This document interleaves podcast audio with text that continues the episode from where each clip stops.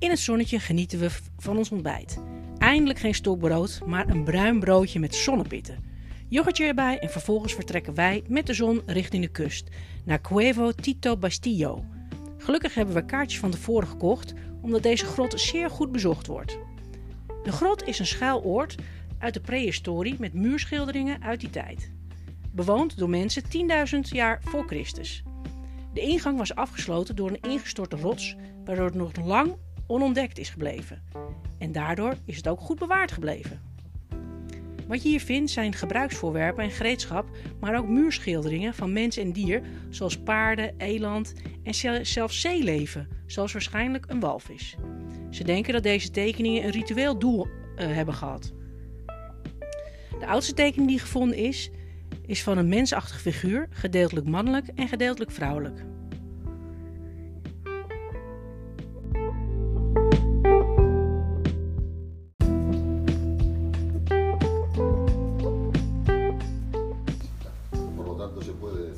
Perfectamente que la visita la vamos a hacer totalmente al revés. Entramos justo por el final.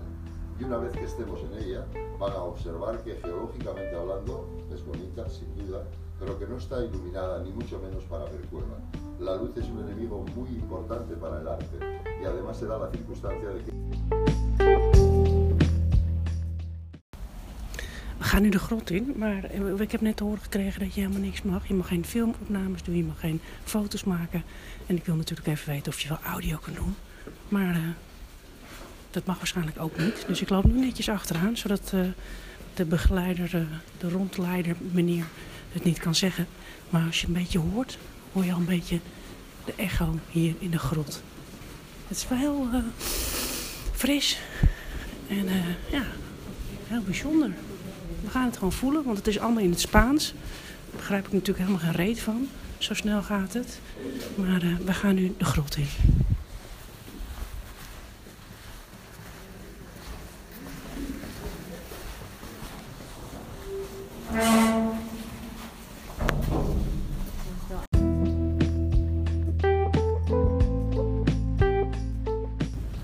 We zijn net eh, de grot uitgelopen en we zijn eigenlijk met z'n twee heel erg onder de indruk van de muurschilderingen die we hebben gezien. Wat hebben we eigenlijk gezien?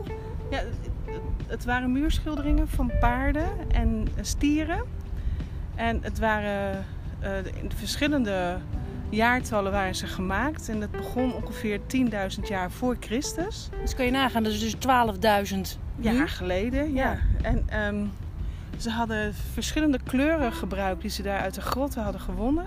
Het begon met uh, een soort uh, ja, een bruine, zo'n roestbruine kleur. Ja, maar rood? Ja, rood-bruin. Maar er was ook violet en er was zwart. En ik begreep van de gids dat dat violet heel speciaal was voor deze, deze grot. Ik moest wel zeggen dat ik op een gegeven moment een beetje... Uh, ik dacht op een gegeven moment, het wordt een beetje claustrofobisch. Want het was best wel lang donker en je kon echt geen kant op. Maar gelukkig, uh, nou, een beetje diep, diep, met elkaar. diep ademhalen en het ging wel. Maar het was een, uh, een indrukwekkende grot die we hebben bezocht.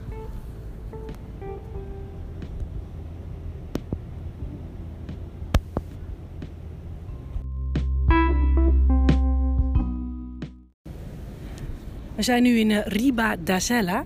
En uh, dat is een prachtig kustplaatsje.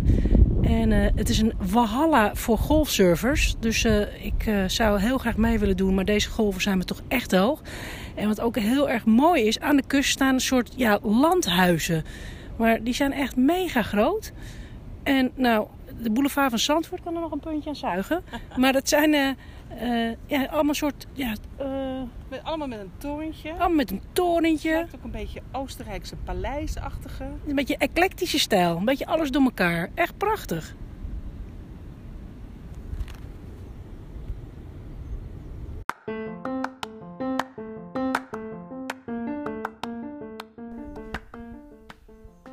We eten nog heerlijk in het vissersplaatsje Riba de Ik uh, heb uh, langoustines uh, besteld en ik heb nog nooit, nou ik zou zeggen, kijk even naar je hand.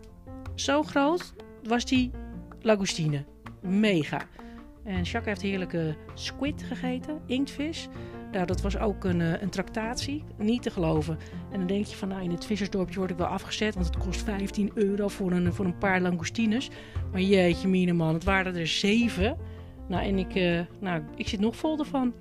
Maar kortom, even uitgebuikt. En we zijn we naar Narciandi teruggereden. Maar dat gingen we over een B-weggetje doen. En dat betekent hop de berg in. Over smalle weggetjes rijden. Zorgen dat je niet uh, een tegenligger krijgt. Uh, dat heb je natuurlijk nooit in de hand. Maar ja, dat, als het gebeurt moet je maar een beetje passen en meten. En ook niet of je wat vee op de weg ziet. Dus het was een heel aardig weggetje. Dat uiteindelijk acht kilometer vol met haarspelbochten heeft gezeten. Dus het was een, uh, een uitdaging.